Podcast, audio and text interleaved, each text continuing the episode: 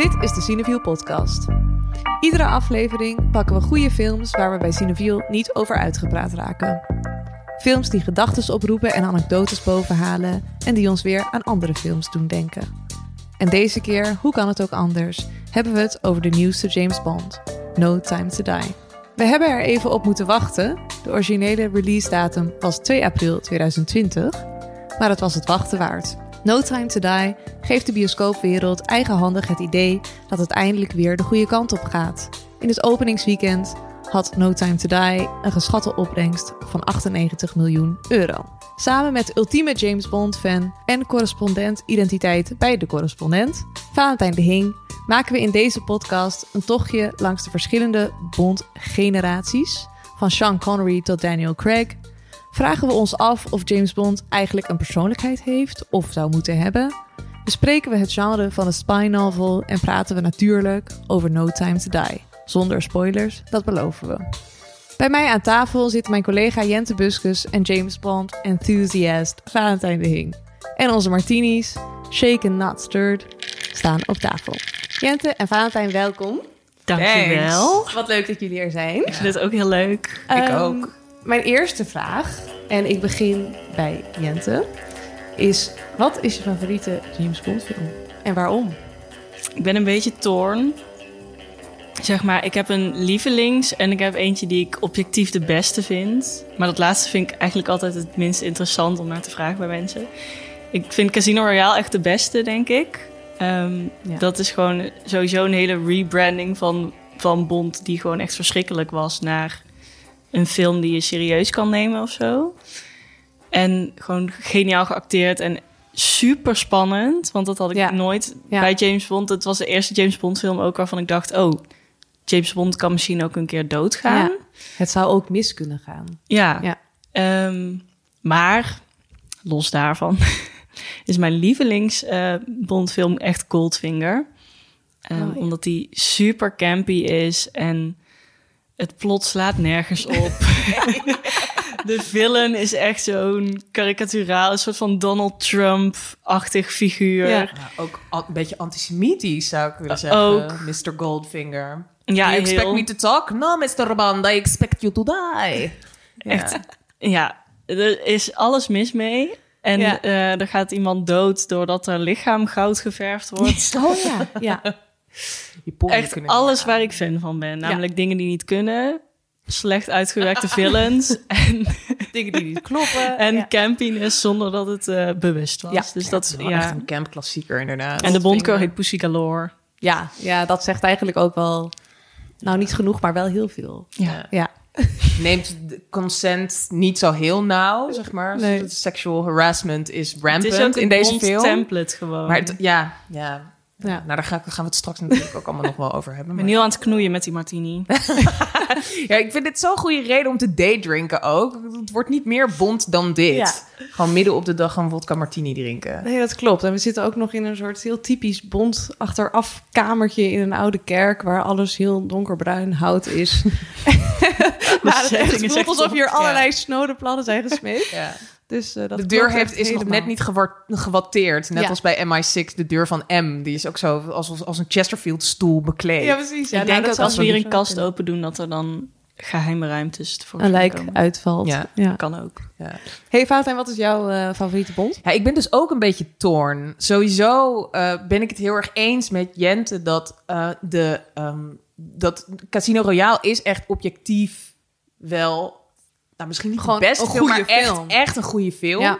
En dat vind ik wel opvallend, want dat is wel een film die op heel veel punten eigenlijk heel erg breekt met een soort van het vertrouwde bondstramien.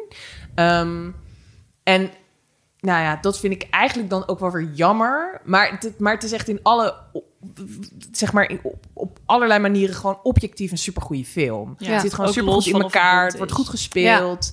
Dus, dus, dus dat is echt wel een hele goede film. Ja. Maar mijn lievelingsfilms, ja, film zal ik dan toch zeggen, is ehm, eh, You Only Live Twice. Dat is meteen ook weer, weet je wel, een hele problematische Bondfilm, zou ik eigenlijk zeggen. Bond gaat namelijk undercover. Het speelt zich af eh, in Japan. Dat is een Mhm. soort van de exotic location Ja. waar, waar, waar Bond Ja. naartoe moet om eh, nou ja, eh, vermissingen van ontvoeringen in de ruimte op te nemen. Het is ook Oh, echt ja. zo Ja. Space Age Bond. Ja. Ehm, en eh, ja, hij, eh, eh, ja, het is, het is, hij gaat dan naar Japan en daar gaat hij undercover ehm, als Japanse man in yellowface, wat Oh ja. best wel eh, een dingetje is. Mhm. Ehm, achteraf zouden we kunnen zeggen dat ja, dat klopt toch eigenlijk niet helemaal. Nee, er zijn Ehm, heel veel dingen in James Bond ja. films waarvan je achteraf kan Waar zeggen... destijds oei, ook ja. wel van had kunnen Waar, zeggen. inderdaad, Ja. waar, waarvan destijds dat ook zeker... eh, Maar wat ik bijvoorbeeld dan wel weer heel leuk vind, is dat de, de, een van de Bond girls, want er zijn er, ja, dat, dat is bij heel veel Bond-films eigenlijk. Mensen hebben het altijd over de Bond Ja, er girl, zijn maar er zijn meerdere. vaak meerdere meisjes Mhm. waarvan ik Ja. objectief zou kunnen zeggen dat, weet je wel, zij strijden een beetje om de titel Bond girl. En met name de eerste, die gaat op een gegeven moment spoilers, mensen, toch wel een beetje spoilers, die gaat Maar niet- dood. ja. Ja, Ja. Van, van You Only Live Twice. Ja, we gaan gaat- misschien wel eh, films uit 1962 spoilen. ja, Ja, dat, eh, ja, laten we dat eh, vooral wel gewoon doen. Daar hebben mensen tijd genoeg voor gehad, denk ik. Nee, dus, dus, dus Aki, zo heet zij, gaat op een gegeven moment dood. Maar ik vind haar dus ook een hele leuke Bond girl. Zij, ehm, ja, ik weet het niet. Zij, zij, zij heeft toch gewoon wel een beetje, weet je wel, zij, zij heeft wel pit of zo. Ja. Ja. Ehm, Het is niet zo van, oh, Nee. het band, oh, en dat was het dan. Ja, ja. Oh, James of zo, dat zeggen ze toch eh, Een allemaal. citaat. ja, nou ja, weer. Dit is gewoon wel een letterlijk citaat van al die vroegere Bondfilms. Zegt toch altijd, altijd zegt zo'n vrouw dan ergens in de scène, zegt ze... Oh, James. Ja, nee, ze is, ze is geen O. James. Ze gaat wel met hem naar bed, dat wel. Maar het is geen O. James Bond girl, weet je wel. Ze is best wel kundig. Ze is, ze is een soort van de protégé van, van, van de James Bond van Japan. Ja. Tiger Tanaka. Ehm, ja, en, en zij is wel gewoon een soort, een soort pittige meid. Een soort leuke, leuke chick. en gewoon heel veel dingen die gaan gelden als een soort van stereotype James Bond. Dat Ja, wordt allemaal in deze film in. een soort van geïntroduceerd. Het is de Ja. eerste keer dat je Ernst Stavro Blofeld, de soort van de, de, evil ultieme... villain. Ja, de evil villain die ook echt in meerdere Bondfilms terugkomt. Nu ook weer. Nu ook Ja, weer. Ja, Die met die kat in het Ja. begin heeft hij al. ja, want hij is er dus heel lang weg geweest. En toen vorige film, Inspector, eh herintroduceren ze hem dus weer. Ehm, maar in, in, in You Only Live Twice zie je hem voor het eerst. Hij is daarvoor wel ook al eh, aanwezig. En dan is hij alleen maar een hand met een poes op schoot. Ja, En nu zien we hem echt dan geweldig. echt. Ja. En hij heeft, eh, hij heeft, een, eh, hij heeft een, eh, een, een schuilplaats in een vulkaan. En hij heeft een bad met piranha's... waar hij zijn handlangers die niet hebben gedaan wat hij wilde... in laat vallen. Weet je wel, die worden dan opgegeten. Nou, het is gewoon... Zeg Ja. maar, elke spoof van James Echt Bond spoeft eigenlijk gewoon... Die- You Only Live ja. Twice. Ja. En dat is met een reden, want het is gewoon best wel een vermakelijke, goede, leuke film. Ja. Minus een aantal dingen waarvan je met de 21ste eeuwse bril op zou zeggen... Nope. Nope. Ja, mijn, eh mijn favoriete James Bond is eh GoldenEye. Oeh. Ja, gewoon omdat Staat het ook hoog op mijn lijstje, is. hoor. Ja, het is zeg maar voor mij is de ultieme James Bond is Pierce Brosnan, want daarmee ben ik gewoon opgegroeid en ook ja, ik keek het gewoon vroeger in de woonkamer met mijn stiefbroers, gewoon weet ik veel, dan zepten we daar langs of zo. Mhm.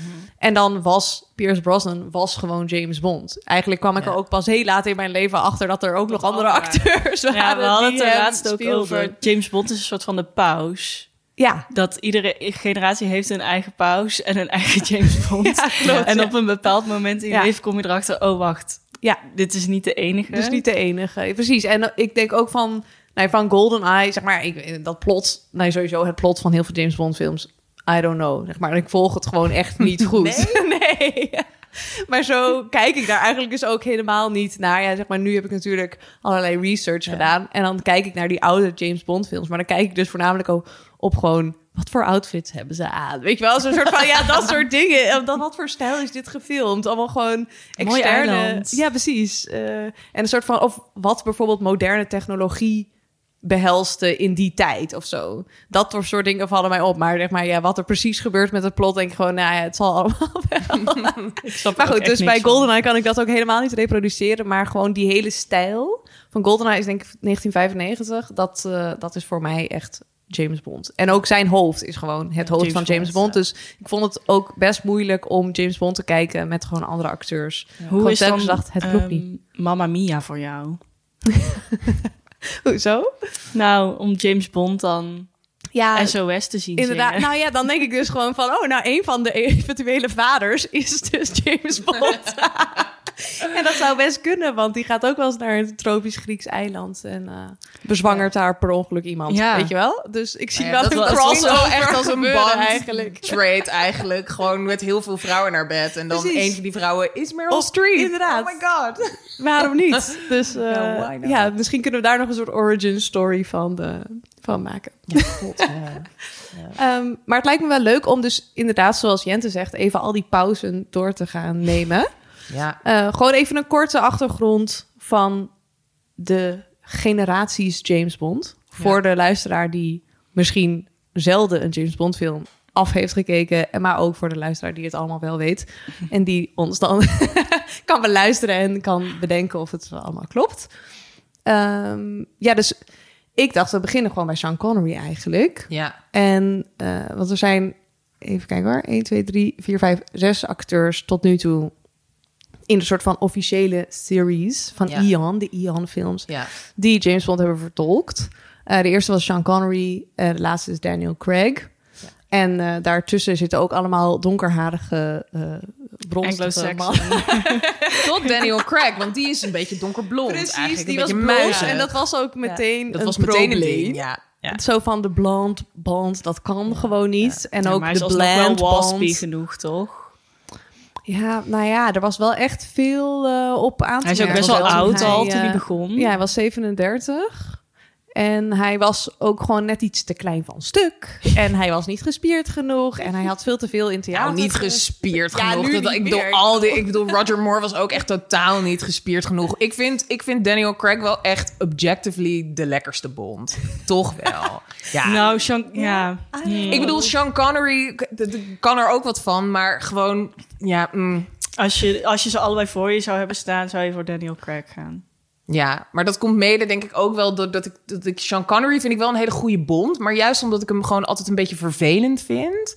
En Mhm. Ja, wat, Maar wat, wat, hoe zie jij zeg maar een beetje die generatie band? Eigenlijk de, de, de, de begintijd. nou, de begin, kijk, de begintijd van Bond is natuurlijk gewoon. campy is het? Het is heel camp, maar het is ook, het is, het is een soort, ehm, het is ook heel erg van die tijd, weet je wel? Dus, dus een soort van de jaren zestig, weet je wel? Mensen, eh, eh, weet je wel, er hangt een seksuele revolutie in de lucht of zo, maar er hangt ook nog, het patriarchaat hangt ook nog in de lucht. En Freud ook En ergens. Freud ook ergens nog tussendoor.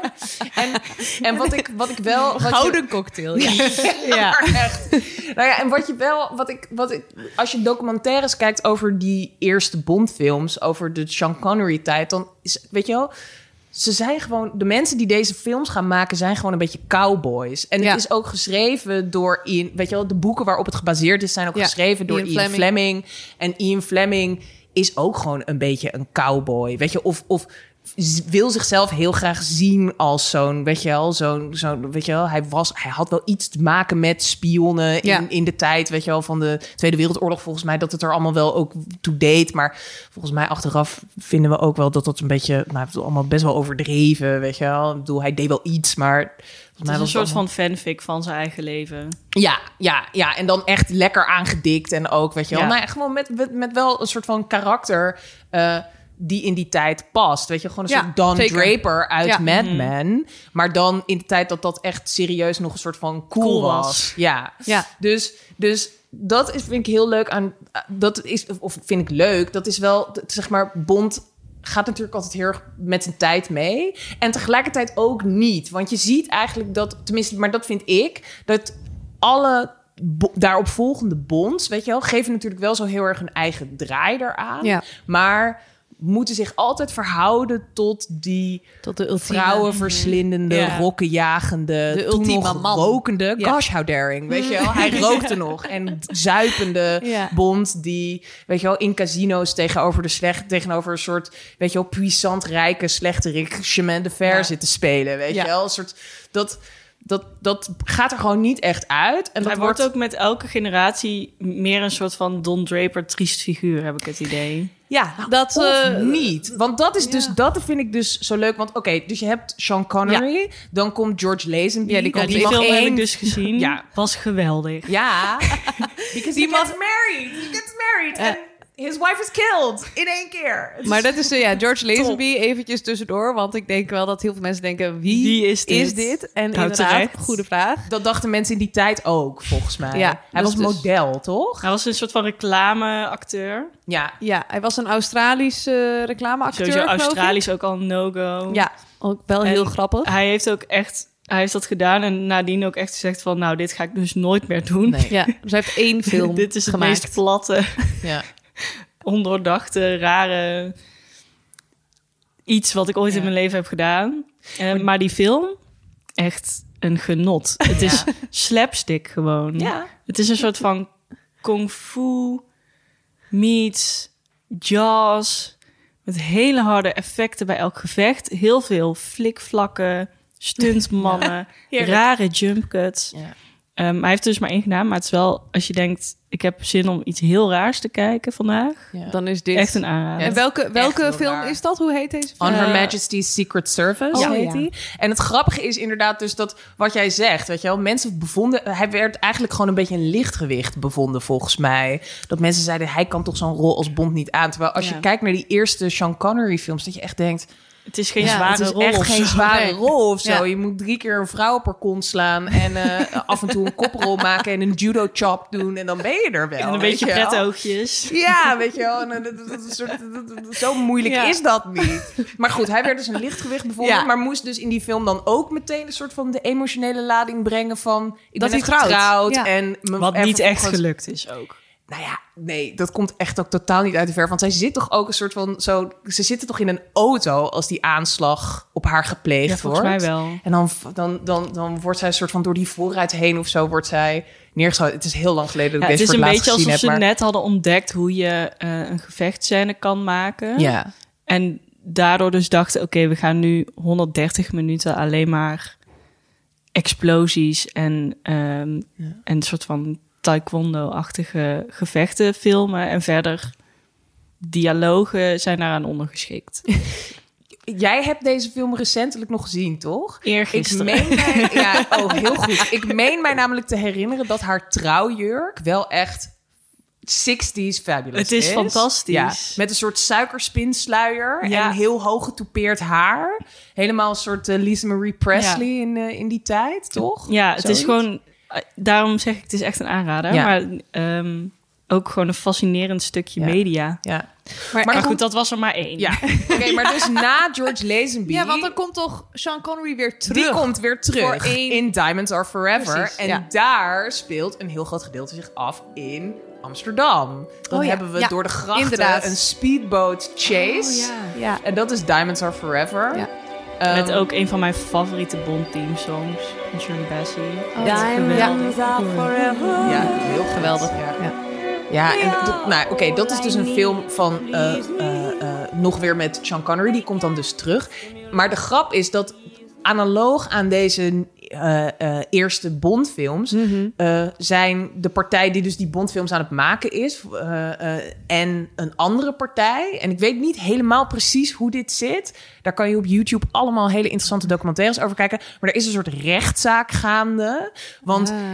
voordat Ion Films, die dus de Ja. Bondfilms produceert, ehm, eh, die de filmrechten van Ian Fleming gekocht had, had hij de filmrechten al aan iemand anders verkocht. En hoe dat precies is gegaan, volgens mij was dat allemaal, weet je, was dat een beetje een soort verkoop die op een soort servetje of zo, weet je, een Ja, soort van ja, in een club half een bierveeltje, heel veel shaken martinis aan vooraf gegaan. Nou ja, weet je wel, maar, maar die, die andere partij die ging dus zijn recht halen bij de, bij de rechter. En het heeft onwijs lang gesleept, maar uiteindelijk kreeg hij dus het recht om ook een bondfilm Ja, precies. te maken. Want er zijn toch twee, dacht ik, Ja. films door een andere partij Ja. gemaakt. Maar En die het- tellen niet echt mee in de... Nou, de, Collectie. Voor de puristen niet. Nee, voor de, nee, de En puristen... dat zijn wij. Nee, want de eerste, de aller, aller, allereerste Bondfilm is een soort komische versie van Casino Royale. Maar die wordt echt, die Oh ja, wordt echt klopt. als, ja, als buiten het kanon beschouwd. Da- Daar heeft echt niemand het over. Maar Never Say Never Again, dat is dus die, ehm, eh, eh, die Bondfilm waar... ehm, die, die dus die recht van Ja. die partij die die rechtszaak wint.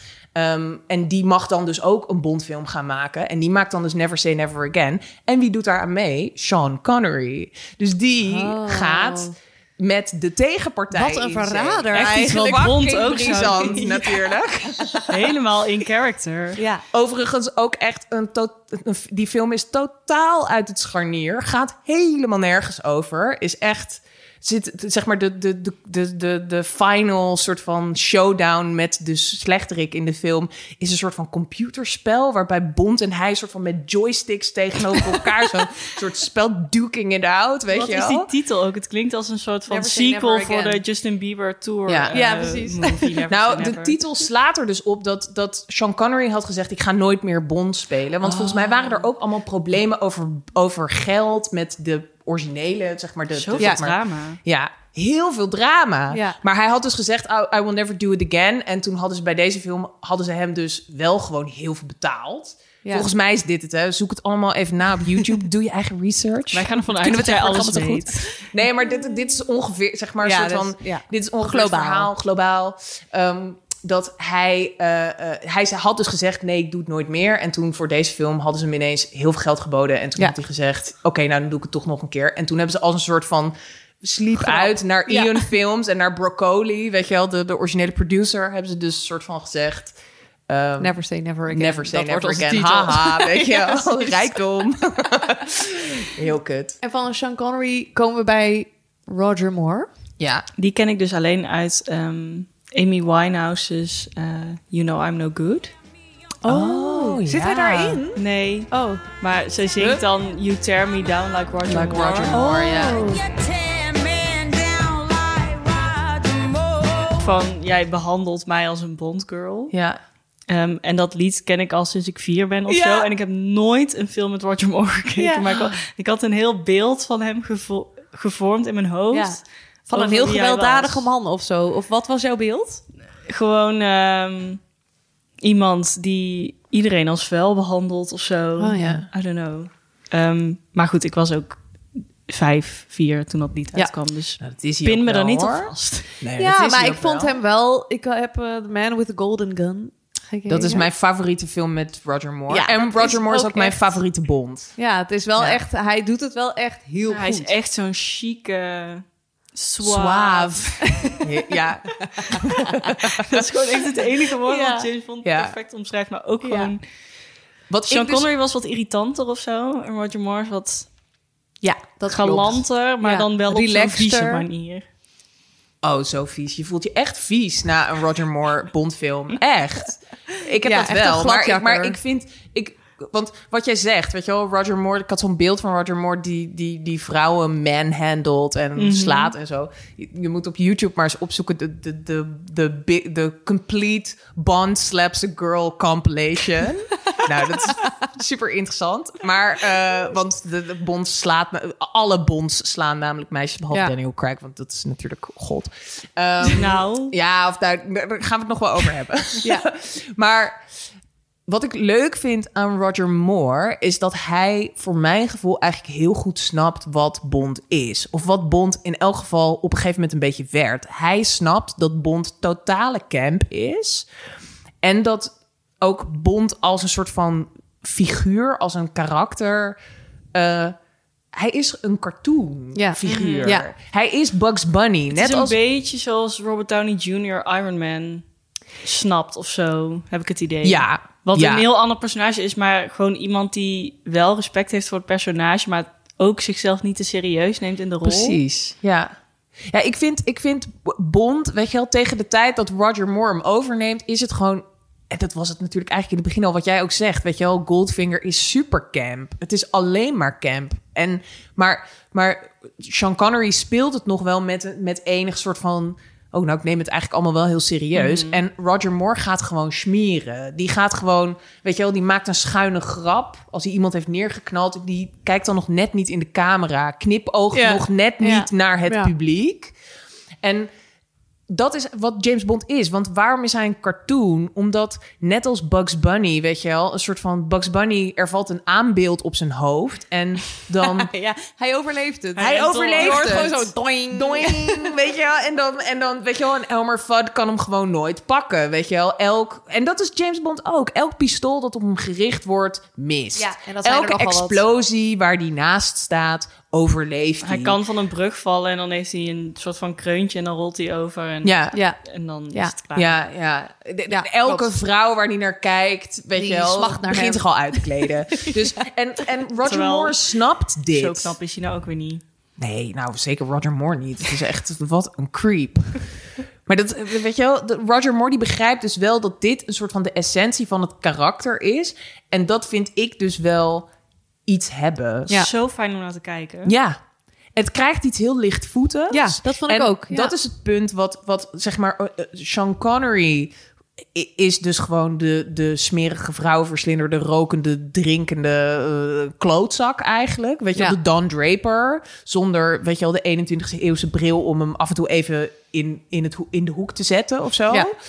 En Roger Moore brengt er een soort lichtvoetigheid in, waarvan je ook merkt dat ze daar in de volgende films iets mee moeten. En nou, ik vind dus dat dat bijvoorbeeld in de, in de Pierce Brosnan-era heel goed lukt. Ja. Maar en Timothy Dalton, Timothy want die komt na Roger Moore. nou, Timothy Dalton, die breekt dus heel erg met dat Roger Ja, die is heel Moore serieus. cartooneske.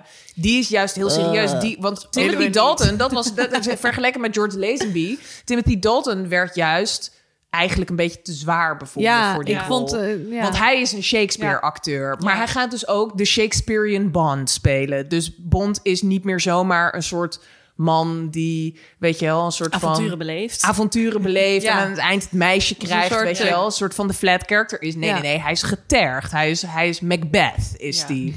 maar denk krijgt Macbeth wel- is Bond. Want Timothy je. Dalton was echt eind, eind zes- jaren 60, begin jaren 70. Ook wel denk ik een Nee, beetje... jaren 80. Ja, jaren 80. Jaren 80 Ja. is hij. Ja. Oh, ik, Dat is want echt veel was later. zijn eerste film dan? Ehm, midden jaren 80. Zijn laatste film is 1989. Oh. En dan heb je zes jaar niks. En dan komt GoldenEye met Pierce Brosnan. Ja, tenminste, ik heb eh The Living Daylights Ja. eh, gis, eh, gisteren. Met die cello-spelende sniper. Precies, ja. Ik bedoel, dat was echt hilarisch, maar meer Wat van... is zij ook een zijige bond. Zij is Ja, echt een saaie heel saai. Oh my god. klopt. Maar het is heel grappig met die cello. En dan gaan ze zo van een, van een besneeuwde berg af in zo'n cello-kist. En nou ja, dat is gewoon echt he- heel leuk.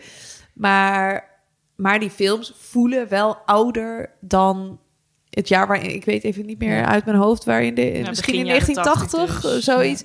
Maar het voelt echt een, als een oudere film. Omdat het gewoon best wel Ja. ja, traditioneel of zo ook wordt gefilmd. En dat, eh, dus, ik, dus ik snap wel ja, als dat je jij bedenkt hebt- dat Back, Back to the Future uit hetzelfde tijdperk Precies, komt. bijvoorbeeld. dan- ja. Maar echt zoveel andere films die in die tijd zijn gemaakt... waarvan je denkt, oh ja, dat staat veel dichter bij nu, eigenlijk. Dus Ja, dat, ik, eh, ja ik, ik weet, wat ik ervan weet... Ik heb namelijk als, als... Zeg maar, Timothy Dalton is mijn minst favoriete Bond. Ja, dus ik heb die films als kind allebei gezien... Maar die heb ik nooit meer echt herbekeken. Of echt met aandacht. Ik weet het eigenlijk niet. Ik heb zeg maar alle Bondfilms heb ik minstens drie, vier keer gezien of zo.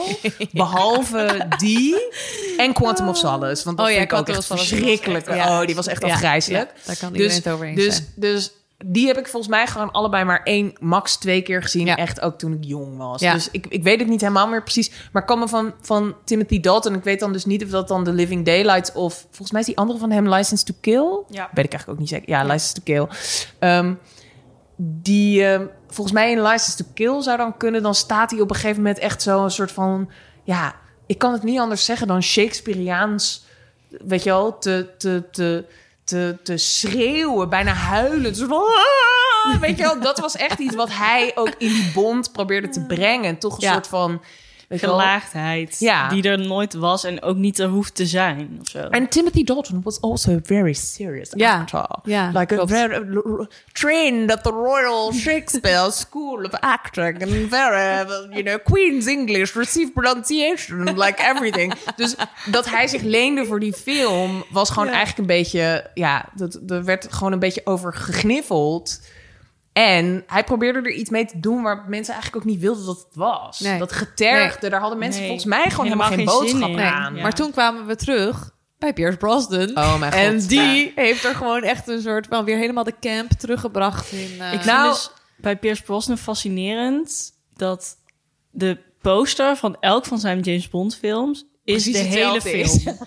Is, is precies hetzelfde, maar het is ook de hele film. Het is gewoon een explosie en dan heb je ehm, een profielshot van Pierce Brosnan en dan een profielshot van de Bond girl in een soort van schuine hoek die een soort van acceleration suggereert.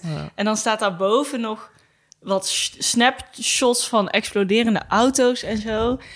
Zodat je alvast weet. En dat is de film. Je weet precies waar je aan toe bent. Echt Ja. geweldig. ja. Ja, ik hou dus heel erg van de, van de oude Bond-posters, de getekende. Nog Oh ja, uit ja, de, echt de heel jaren mooi, ja. 60, begin jaren 70. Ze zijn de En afgelopen jaren echt slecht, vind ik. oh ja, ze zijn hartstikke slecht. Maar die, die, mijn favoriet is dus wel die van saaie eh, George Lazenby on Her Majesty's Secret Service. Want dan staat hij een soort van zo... Hij staat op skis, volgens mij. Ja, volgens mij ook. Hij staat op skis en dan ook zo, weet je wel... Mensen die skiën, die gaan dan altijd zo slalommen... van de ene kant naar de andere kant. En hij staat er dan ook zo net in zo'n slalom... staat hij, er, staat hij erop. En dan getekend. Met gewoon zo'n schuine heup. Fantastisch. Ja, dit is echt te gek.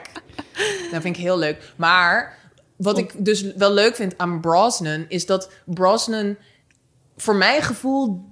doet hij niet, weet je wel... hij maakt niet korte metten met wat Timothy Dalton probeerde te doen... Maar hij pakt wel Bond weer grotendeels terug in een soort van toch een beetje flat character Ja. territory. Ja. Ja. Dus, dus Brosnan's Bond heeft wel een geschiedenis. Want bijvoorbeeld in Tomorrow Never Dies, wat ja, ik vind GoldenEye ook heel goed, maar Tomorrow Never Dies is eigenlijk mijn favoriete Brosnan Bond. Je spreekt jezelf enorm tegen. Oh, maar hij is ook. Ja, nee, want nee, ja, het oké, gedeelde ik eerste plek, het, gedeelde ja. eerste plek, want GoldenEye is wel echt heel goed, maar Tomorrow Never Dies is echt heel camp en de de de ehm, de schurk is een mediamagnaat, dus vind ik Ja, ook allemaal heel heerlijk, erg heerlijk. vooruitziende blik, weet je wel, een soort. Ja, nou ja, anyway. Ehm, zeg maar, hij is een soort Breitbart-achtige, zo, zo zie ik hem dan een beetje. Maar daarin, weet je wel, komt Bond op een gegeven moment in Hamburg. Het is- speelt zich, in, ah, zeg maar, de exotic location is Hamburg. En eh, daar komt hij dan Terry Hatchet tegen. Oh ja, oh, Terry Hatcher. Ja. Love En her. zij Love kennen her in. Desperate Housewives. Ja, Ja, en in. Superman of uh, ze speelde dan uh, Zit Lois Lane. Superman? Ja. Oh, Ja, Lois vroeger. Lane? Daphne Dekker zit overigens ook in die Oh, film. heerlijk. En ook in, zeg maar, een soort van die, die in Hamburg speelt ze een soort Oh, van... ja. Oh, echt? Klopt, Oh, ja, ja. speelt ze een soort niet... Famke zo Jansen en Daphne Dekkers zijn onze Bondgirls, zijn toch? Bond Ja. girls, ja, ja. Ja, Ik maar, heb ja, eh, maar Daphne Dekkers was niet echt een Bond girl, want die heeft niet een soort van... Gewoon een girl in een Bondfilm. Ja. Terwijl Terry Hatchet, die, die- want dat wordt dan een beetje zo gesuggereerd, weet je wel. Zij kennen elkaar wel, weet je wel, al langer. Want ze hebben volgens mij met elkaar op school gezeten of zo, zoiets.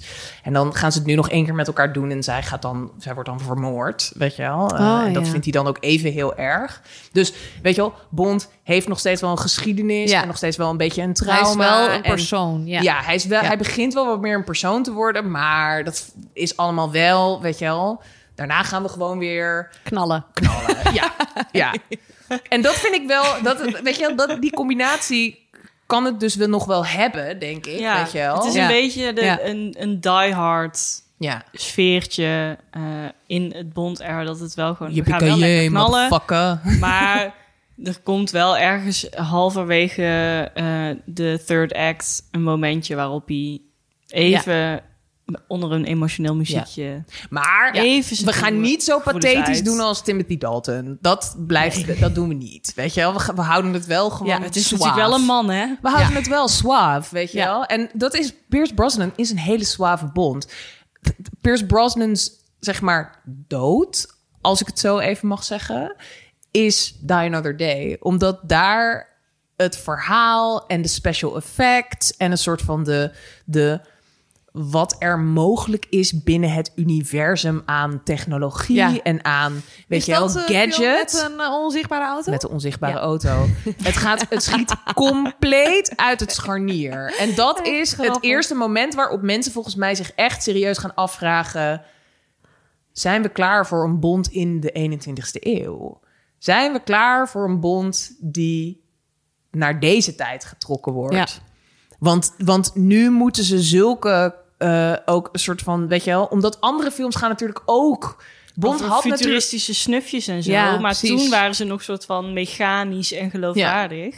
Bond was natuurlijk lange tijd wel echt de film met de beste special Ja. effects. De De, beste stunts. Ja. De beste actie. De beste explosies. Bij Bond zat je goed daarvoor. En op een gegeven moment komt CGI. En weet je wel, gaan andere films dat ook gewoon Ja. Ja. doen. Ja, klopt. En dan moeten ze ineens dus zoveel eh, eh, trucken uit hun trucendoos trekken. Dat is een onzichtbare auto. verzinnen. Dat ze een onzichtbare auto Ja, verzinnen. en daar, waarvan het publiek dan vervolgens denkt...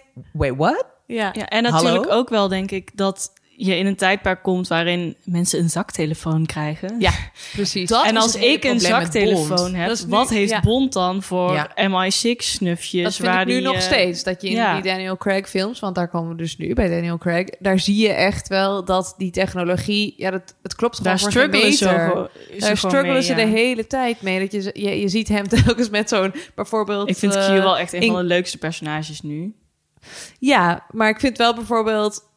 Ja, je ziet gewoon allemaal van die computers met van die soort van super ongeloofwaardige Matrix-achtige ja, codes erop. Of bijvoorbeeld in Casino Royale, dan wordt het dan zo'n heel veel product placement van zo'n Sony, Sony Ericsson.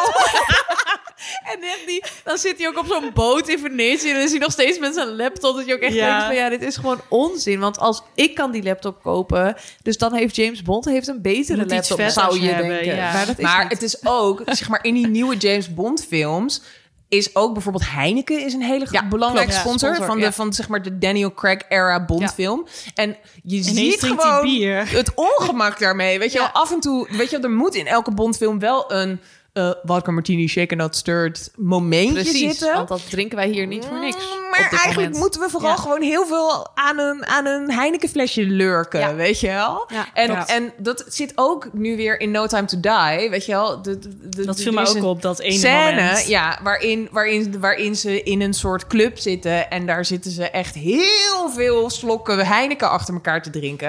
En er komt op een gegeven moment wel een vodka martini shaken not stirred moment, maar dat, Ja. dat is wel een beetje... Ja, klopt, ja. En dat zit dan, Ja. dat vodka martini shaken not stirred moment zit ook overigens in mijn best, in mijn favoriete scène in de hele film, die ik echt het best Ja. uit ver vind komen.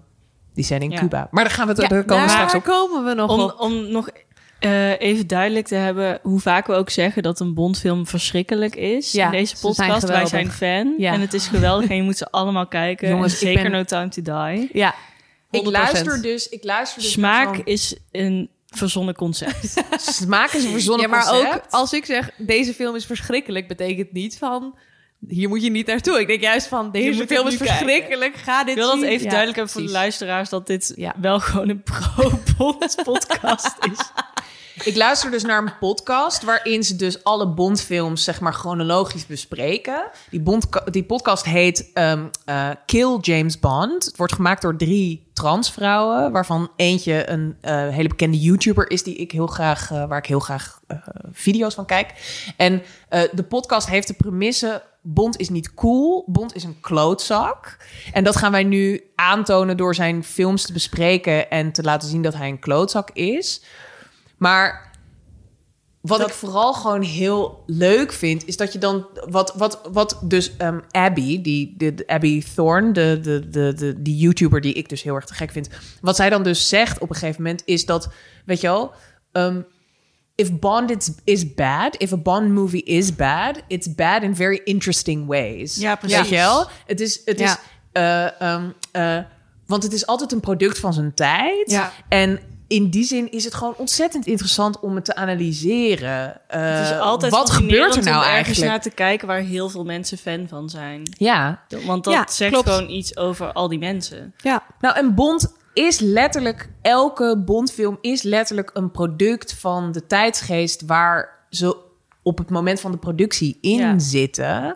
En Ehm, weet je wel, weet je, die eerste Bondfilms gaan ook heel erg over, weet je wel, eh, eh, het Westen tegen Rusland. Weet je, Ja. de Red Scare en Ja. zo. Ja, en dat vind ik dus bij Daniel Craig heel interessant. Dat het veel meer over terrorisme gaat. En het is veel, de villains zijn veel grijzer en chaotischer. En je weet niet, het is niet meer zo duidelijk, wie nou de villain is. Ja. Ehm, en dat, daarom vind ik ze dus nu ook echt heel interessant om te kijken als product van onze tijd. Een soort van post-9-11 bond. Ja.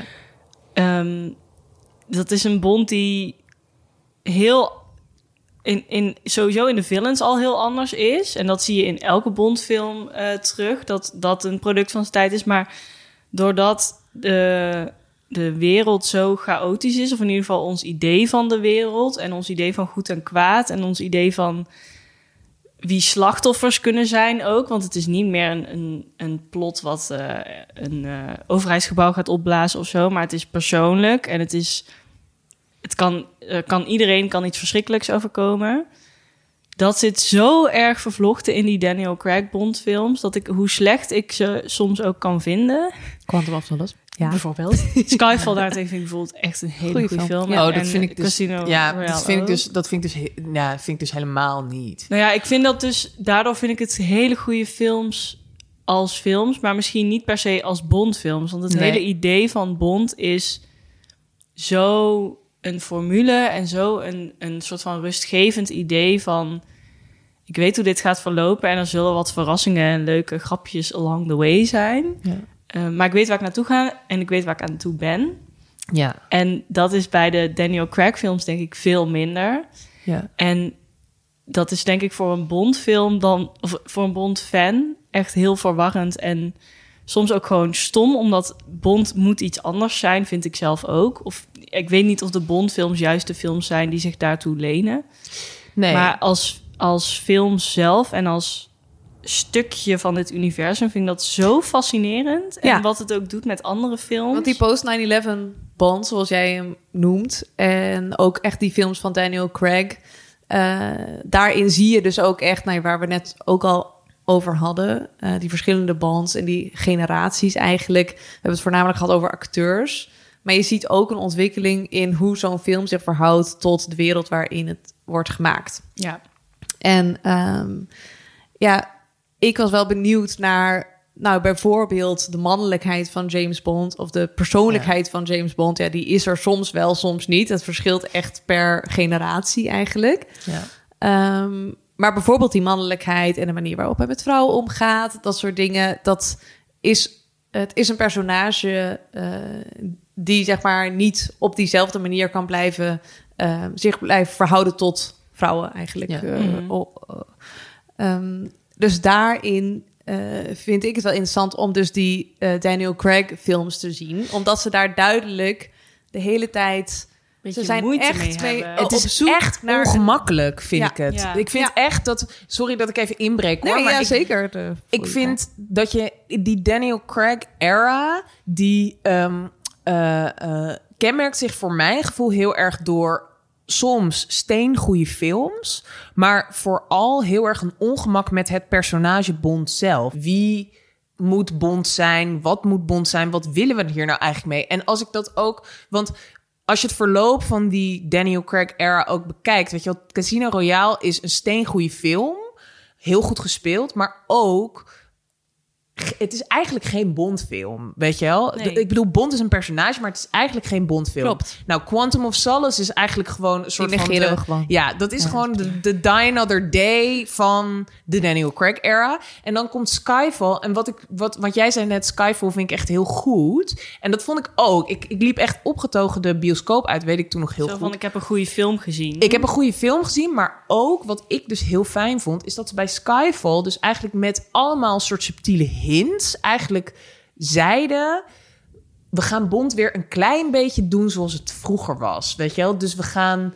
eh, eh, weet je wel, we rekenen eigenlijk af met een aantal, eh, ja, weet je wel, dingen die dan nu toch een beetje zo de franchise ingeslopen zijn. En we gaan gewoon weer, weet je wel, lekker als vanouds um, gadget shoppen bij Q of zo, weet je wel. Ja. En we gaan... eh, eh, M zit weer in een kantoor met een gewatteerde Chesterfield Ja, deur, een beetje weet terug je wel. naar de spy novel. Ja. Ja. Terug naar de oppervlakkige... Maakt verder niet. Niet oppervlakkig Ja. als waardeoordeel, maar gewoon oppervlakkig karakter. Ja. Bugs Bunny van... eh, ja. Ja, nou, Ja. Nee, maar niet per se dat. Want, want, want Skyfall is natuurlijk wel heel erg een film die, waarin Bond en ook de mensen om hem heen, Ja. M, in dit geval Judy zwaarder- Dench's M, ja, wat ook echt... Oh, Oh, my god, daar zouden we echt een hele podcast over kunnen maken. Ja, maar over- zij is wel te Dench gek. Nou, ja. Maar ja, de Judy Dench podcast, gewoon 20 afleveringen alleen Ik maar ga over dit haar pitchen bij eh, de rest van de redactie. Ja, heel goed. Ik kom, ik kom heel graag. Maar zeg maar een soort van, dus, dus een soort van. Ze gaan wel heel diep in die film, weet je wel? Ja. Dus Bond Ja. krijgt de geschiedenis, zij krijgt de geschiedenis. Het Ja. is allemaal heel gepsychologiseerd, persoonlijk. Ze hebben allemaal trauma's en zwaar en moeilijk, weet je Ja, wel? Maar, Ook echt maar, een product van deze tijd. Ja. Ja, ik denk ook maar de dingen die leuk waren uit de franchise, die komen weer terug. Ja. En toen kwam Spectre en dat, dat was was echt zo... raar. Oh, we hebben weer Spectre, weet je wel, de oude vijand van Weleer. We hebben Ernst Stavro Blofeld, de oude vijand van Weleer. We gaan het helemaal... En het... Ja, mm, Nou ja, wat ik denk ik ook you don't bij, like it. bij Skyfall en bij Spectre denk ik ook een beetje gebeurde... is dat het eh, niet alleen een product van de tijd is... maar ook een product van de filmindustrie waar het zich in beweegt is. Dat ehm, een film vaak de, de afgelopen, laten we zeggen, vijf, tien jaar of zo... ehm, bestaansrecht heeft als hij een beetje eh De award-winning is, een beetje de diepte ingaat. Ehm, dat, daar beginnen we nu volgens mij weer een beetje uit te komen, gelukkig, want daar heb ik echt een hekel aan. Maar eh, weet je, ze hadden Sam Mendes als regisseur, Ja. die van Hele American Beauty serieuze- is, echt een serieuze Hollywood-regisseur. Ook een Ja. auteur Ehm, en dat betekent niet Ja. per se dat, de, dat het verhaal dan ook serieus hoeft te zijn, maar eh, er was wel een soort van neiging, eh, make Bond films good again. Ehm, Adele wint weer een Grammy en, Ja. een, en een Oscar. En ehm, dat is iets wat ik op zich wel waardeer, maar aan de andere kant erger ik me er ook heel erg aan dat vaak van die franchise-achtige films een beetje proberen serieus. te zijn. serieus te zijn met een, een filtertje over de cinematografie heen. Ja. En eh, een goede soundtrack van Ja. Hans Zimmer. En dan is het ineens Ja, zo goed als The Dark Knight was. Eigenlijk is het- dit allemaal de schuld van Christopher. Nolan. het is de Christopher Nolisering van franchise films. I ja. love Christopher Nolan, maar. Oh, ik haat Christopher Nolan. Het- ik, heb, ik heb Die, please die. hele, Nee, nee, no time to die, jongens. No time to die, sorry. gehouden over dat ik Christopher Nolan een prima regisseur vind, maar het fenomeen Christopher Nolan haat. Maar dat gaat dus ook, vind ik, Ja. bij Bond de laatste paar jaren een beetje mis. Ehm, dat het Het is erg serieus. Nou, niet, ik vind niet erg als het serieus is. Op zich leuk als het grappig is, maar dat ik gewoon echt het plot af en toe niet meer snap. En dat ik liever heb dat ik het plot niet snap, maar dat het er niet toe doet. Ja, Wat in de Sean Connery films bijvoorbeeld vaak zo precies. was.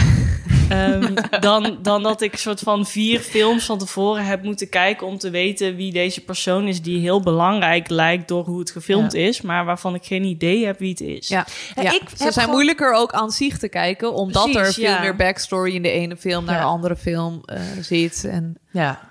Dat Ik, kan, ik heb vooral uit. gewoon heel erg het gevoel dat ze... Het is niet per se serieuzer en daardoor donkerder of zo. Dat is het ook wel. Maar ik heb vooral heel erg het gevoel dat ze niet zo goed kunnen beslissen... of, of Bond nou een serieuze, getergde, menselijke man is... met Ja. gevoelens Of en... gewoon een heldfiguur. Of gewoon toch een beetje een held, Ja. weet je wel? En, en is Bond niet ook een soort suave en, weet je wel, met een soort Britse humor? En nu proberen ze dat ook dan heel erg zo in te steken als een soort van Britse zwartgalligheid. Terwijl ik eigenlijk denk, Bond was camp. Bond was camp, weet Ja. je wel? Het was eigenlijk gewoon clownesk, weet je wel, cartoonesk was Ja. het. En nu is het een soort van, ja, weet je wel, eh, eh, eh, Ricky Gervais grappig, weet je wel? Een soort zo van, oh, weet je wel, een soort zwartgallig en, en, Ja. en, en ingewikkeld. Ja. En ik denk, het is gewoon een verhouding tot dus al die bonds die daarvoor kwamen en die ook, weet je wel, in deze post, weet je wel, post 9/11 9/11, eh, steeds woker wordende wereld eh, eh, eh, ja, ook steeds minder goed past eigenlijk. Bond is Ja. gewoon Ja. in, in Nou alle ja. opzichten van, van het huidige tijdsgevricht. Weet je, op het, op Ja, het is veel... van het- racisme, seksisme, orientalisme. Hij is gewoon af eigenlijk. En wat Echt. moeten we daar nou mee, weet je wel? Maar dat is alsnog een interessant personage om naar te kijken. Maar je moet dan gewoon kiezen of het een, een soort van rolmodel is naar wie je moet opkijken. Ja. Als eh ja. 15-jarige jongen die naar de bioscoop gaat eh, met zijn vader en een coole actiefilm wil zien.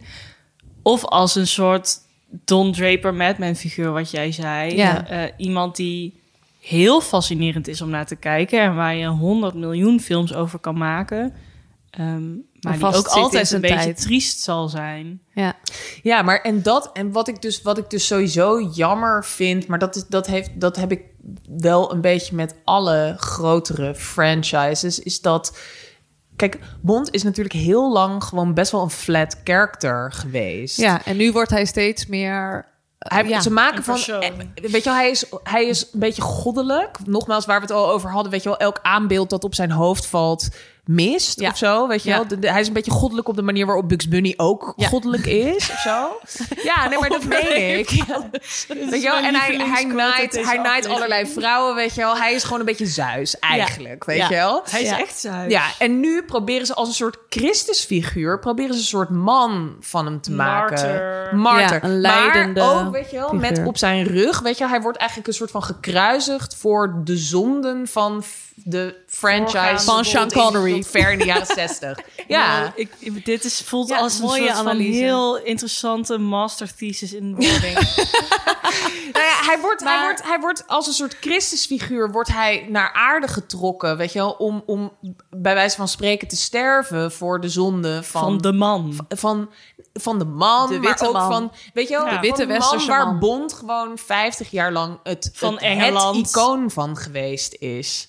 En het imperialisme van Engeland en het orientalisme wat door al die films heen loopt, weet je wel, het is gewoon hij en en dat vind ik aan de ene kant begrijp ik dat heel goed, want Bond was problematisch, Ja. is nog steeds problematisch. Zeg maar een soort van dat racisme en dat seksisme en dat orientalisme van al die oudere films, daar moeten we ook wat mee. In godsnaam, yes. Maar ehm, je geeft daarmee wel dus op dat Bond een flat character is. En een flat character is nu een beetje een onge- ondergewaardeerde vorm in Ja, onze tijd. voor de dat mensen die heel misschien jammer. geen filmstudies gedaan hebben. Sorry, ja. Ja. Een flat character is eigenlijk gewoon een, een personage zonder arc. Of zonder, zonder, Zonder backstory.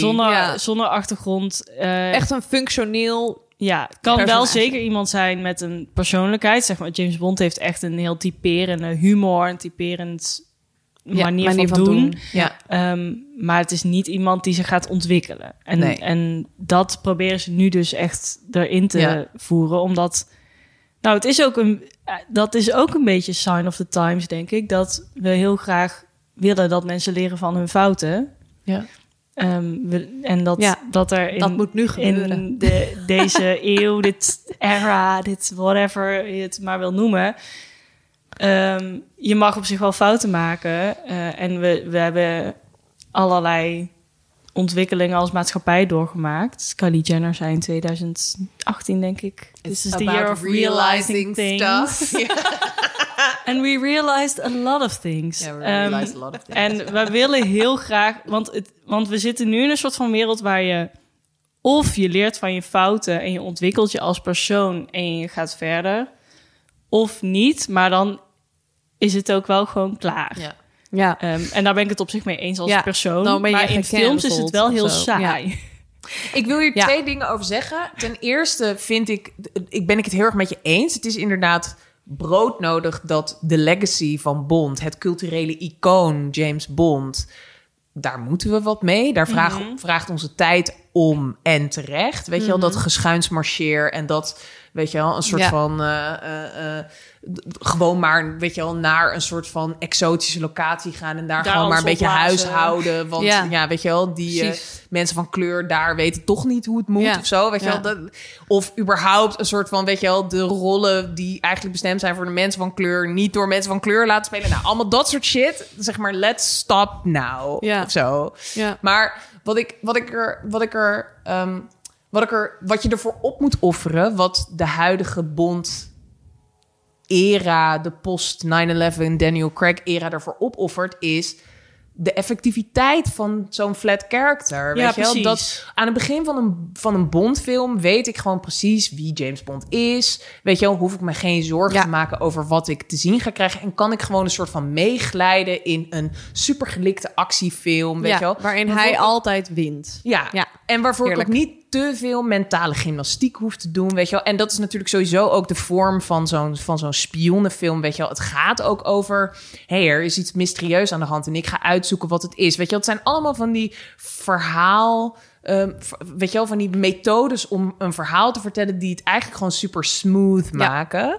En dat vind ik ook een kunst. En dat mag tegenwoordig, lijkt Ja. het eigenlijk niet meer. Ja, dat Iedereen denk ik moet dus een soort dat dus psychologische... komt omdat het publiek heel graag wil dat iedereen zich maar ontwikkelt. Ja. Ja. En alles moet Wat? een soort gelaagdheid In je hebben. persoonlijk leven is dat een goed idee.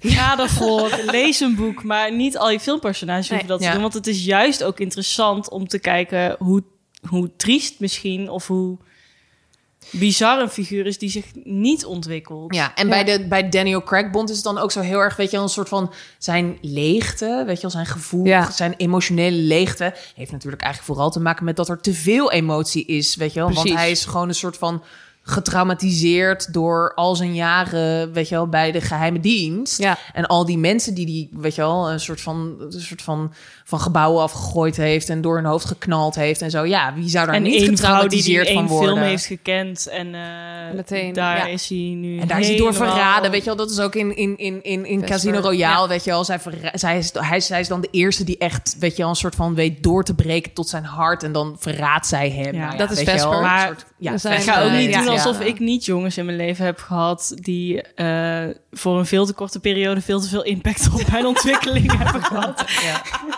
Ja. Ja.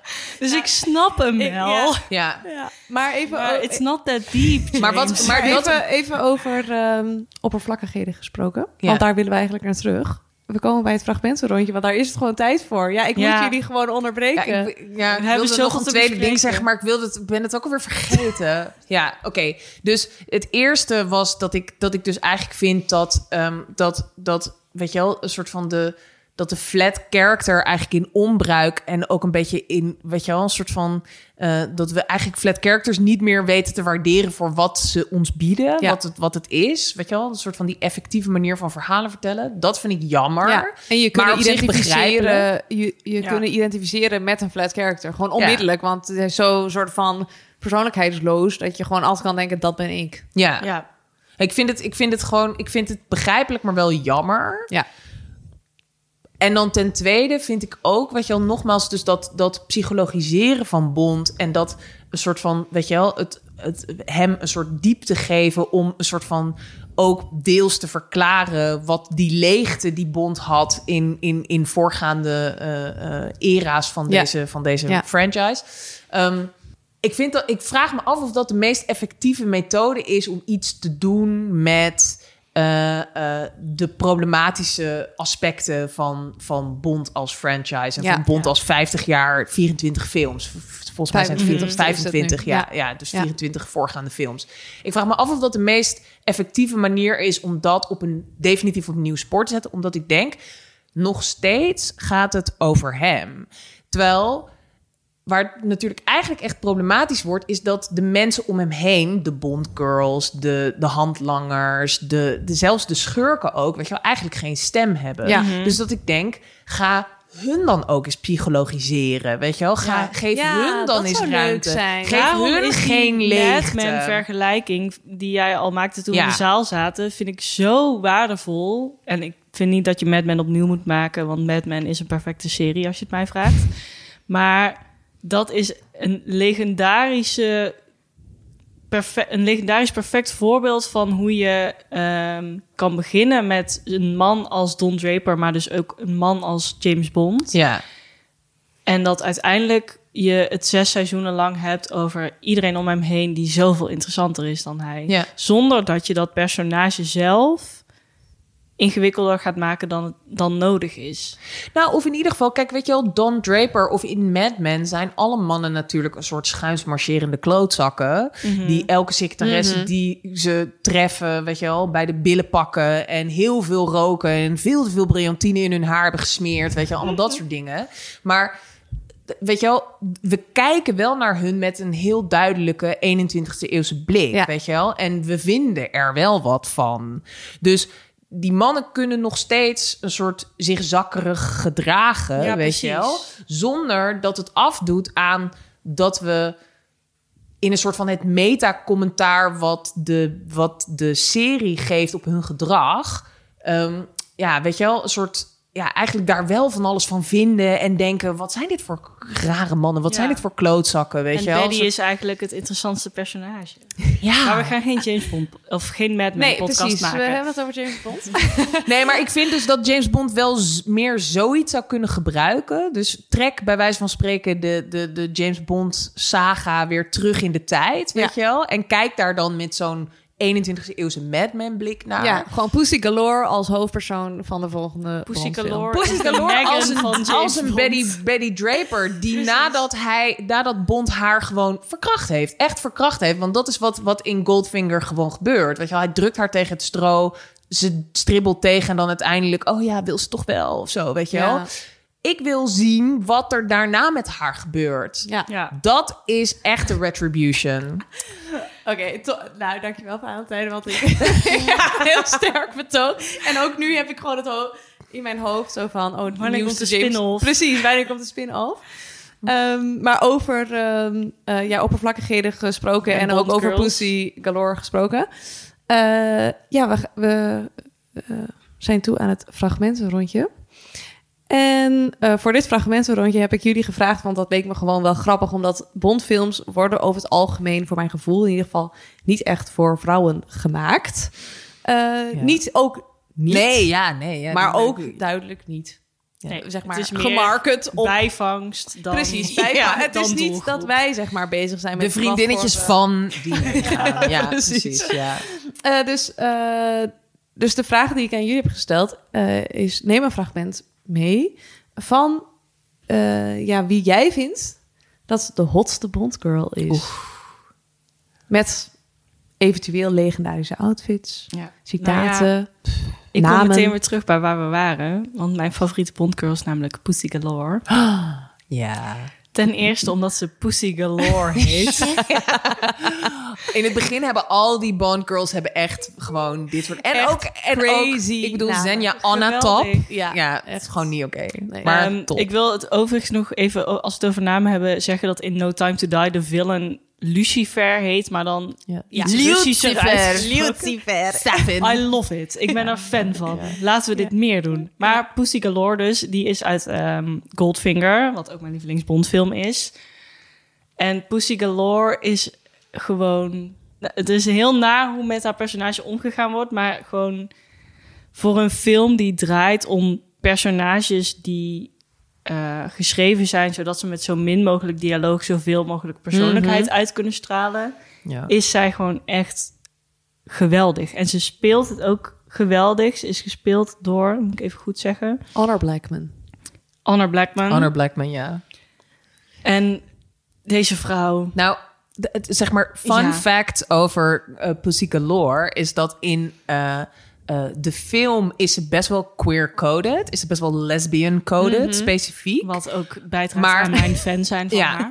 maar ik heb, ik, heb, eh, ik heb het boek Goldfinger niet gelezen van Ian Fleming. Maar het schijnt dus dat zij in het boek echt zeg maar een soort heel overduidelijk lesbisch is. Oh. En dat ze dat dus een beetje hebben afgezwakt voor de film. Maar alsnog dus wel, weet je, nou ja. En dat ze dat daarom Pussy Galore heet. Wacht Ja, want Ja, iedereen ja, weet dat ze- mensen die bi ja. zijn eh, hyperseksueel zijn. Want zij is namelijk dus ook, zij, zij is de aanvoerder van Pussy Galore's Flying Circus. Ze is piloot en ze, ze leidt dus een groep vliegende pilotenvrouwen. Nou ja, en, en Snap het schijnt dus, Ja, ik, ik, ja. ik heb dit niet geverifieerd, want ik heb Goldfinger dus nogmaals niet gelezen. Maar het schijnt dus dat in het boek dat dus echt gewoon een soort van, dat ze nog net niet zeggen dat het, dat het allemaal lesbische dames zijn. Ja, maar en dat is in de film hebben ze dat dus heel erg club. En, maar weet je wel, ze zegt op een gegeven moment dan wel zoiets tegen Sean Connery dat ze een soort van. eh, weet je wel, een soort, dat ze een soort immuun is voor zijn charmes of Oh ja. zoiets. Oh ja. Weet je wel, en dat schijnt dan, dat is dan, dat Ja. wordt dan geïnterpreteerd als ze laat hem weten dat. I'm gay. Ja, Ja. I'm gay. Maar het fragmentje dat ik heb uitgekozen is het moment waarop ehm, Bond Pussy Galore ontmoet. En het is een aaneenschakeling van legendarische quotes. Who are you?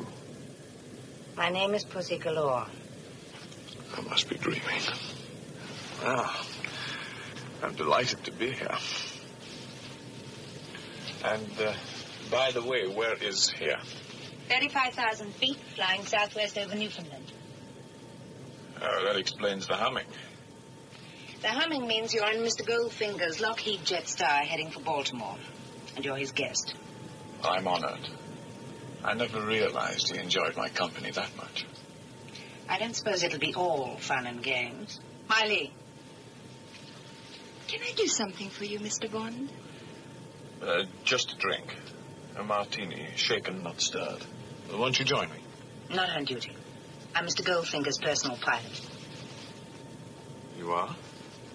And uh, just how personal is that? I'm a damn good pilot. Period. Superleuk. Ja, een, I love een haar. fragment. Ja. Dat is echt geweldig, ze- ja. Dus is, het gaat niet over één nacht ijs. I'm deze a meid. pilot. Period. I'm a, and a damn good one. Ja. Eh, hey, en Valentijn, wat is jouw eh, fragment? Ja, Hotste nou ja, Bond girl. ja, mijn fragment, mijn hotste Bond girl is toch eigenlijk wel uit Casino Royale. Ehm, Eva Green, die speelt Vesper Lind. Ja, Dat is ook de, de eerste Ja. Bond girl eigenlijk. Want, zij, eh, want eh, Casino Royale is namelijk het eerste verhaal, het Bond-verhaal dat Ian Fleming publiceert. En het grappige is, misschien is dat wel een leuk fragment, dat ehm, een van mijn favoriete YouTube-kanalen over ehm, film. Dat is CinemaSins. Ze zijn twee soort van eh, gasten van middelbare leeftijd die films reviewen door ehm, ja, van elke film een soort van de zondes op te noemen. En dat kan dan gaan van eh, continuïteitsfouten tot, eh, nou ja, in Harry Potter films zeggen ze altijd, weet je wel, Hermione isn't old enough to be hot yet. En dat is dan één zonde. En aan het eind staat de teller dan op, nou, weet je wel, een Ja. aantal zondes per film. En in de bespreking van Casino Royale, eh, de eerste scène waarin Vesper Lind dus binnen, zeg maar, haar entree Ja. maakt, dat is Ja. in de trein. Precies. Ja, als en, en, accountant. en de voice-over van CinemaSins heeft dan niks goed uit te brengen, alleen maar... Ik heb dat ook altijd Because als she's Eva so fucking hot. Ja, en in deze scène, she is fucking hot. En waar we het net over hadden, over dat de personages om Bond heen misschien ook wat diepte mogen krijgen. Ja. Ik vind dat dat bij Vesper Lind echt supergoed gelukt Ja, is. heel goed want ze gelukt. verraadt hem, maar het laat ook zien dat loyaliteit van vrouwen niet zomaar naar de man waarvan ze houden gaat. En. Dat vind ik wel super interessant. I'm the money. Every penny of it. The Treasury has agreed to stake you in the game. Vespa. I do hope you gave your parents hell for that. Thank you. Your boss must be well connected. I've never seen so much go out the door so quickly. Not quite so stylishly. May I ask you where it is? 10 million was wired to your account in Montenegro, with a contingency for five more if I deem it a prudent investment. I suppose you've given some thought to the notion that if you lose, our government will have directly financed terrorism. Ik heb Ja, ook gewoon ja. totaal niet opgelet op wat ze zegt, omdat ik zo verliefd op haar ben. Ze is ook echt, wat hij ook knap. zegt, zij is echt een stijlvolle Bond girl. heel Ze is stijlvol. echt stijlvol. Ik wil ook zo'n naam. Ik wil dat je een trein in kan lopen en kan zeggen... Hoi, ik ben Pussy Galore of Ja. Vesper Lind. Ja, maar dat vind ik dus wel heel erg ook zo'n... Dat, dat, dat signalt dus wel ook heel erg zo die break met, met, met de Bond-era. Dat ze dus... Zij krijgt een stijlvolle naam. Nee, ja, nee. Want die naam heeft ze dus al in de originele Ian Fleming. Oh, Net, oké. Want Ian Fleming is... is is ehm, eh, verantwoordelijk voor al die en- belachelijke namen van al die Bondmeisjes. Dus de Pussy Galores en Mhm. de, nou ja, weet je wel, een soort, dat soort dingen. En hier maken ze daar dus een beetje een soort grapje van, weet je wel. Dus het is een soort meta-commentaar op wat eigenlijk dus heel erg hoort bij Bond. Namelijk Bondgirls met hele rare namen. Ja.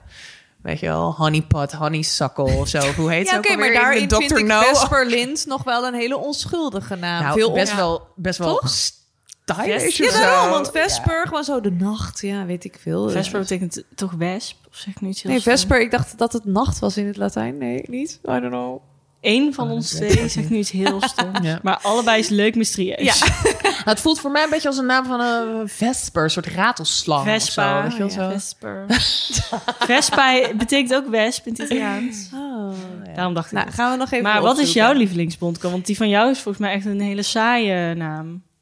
Ehm, eh, mijn eh, favoriete Bondgirl is Halle Berry. Oh, ja. In Die een Another leuke Day. naam is. Ja. Dat is namelijk een film uitgekomen in 2002 en toen was ik 12. En dat heeft extreem veel indruk op mij gemaakt. Eh, ik was precies zeg maar in die leeftijd dat dus, ja, als er dan dus een soort van nieuws was over een vrouw die uit, met een specifieke bikini uit de zee kwam. eh, eh, ja, hoe zeg je dat? Ze kwam niet zomaar wandelen eigenlijk. Nee. Nee. Maar nee, goed, god, uit de zee bounced. tevoorschijn Ja, kwam. Als een Venus. Eh, ja, She titted precies. boobily out of the ocean. ja. Oeh. Ja. Inderdaad. Eh, maar goed, maar eh, ja, dat maakt heel veel indruk op mij. Omdat, omdat dat precies zo'n soort van hele puber, puberale leeftijd is. waarop je dan dus heel bewust wordt van hoe er naar vrouwen wordt gekeken. Mhm. En naar vrouwenlichamen. Eh, dus ik kan me ook nog heel goed herinneren dat ik dit dan allemaal foto's van die scène. Dat Halle Berry dus als eh, Jinx heet zij. Ja, Ja, zeg maar, ze heet eigenlijk ja. Jacinta Johnson. Maar Ja. ze, ze noemen haar dan Jinx. Ja. Eh, also die- known as. Ja.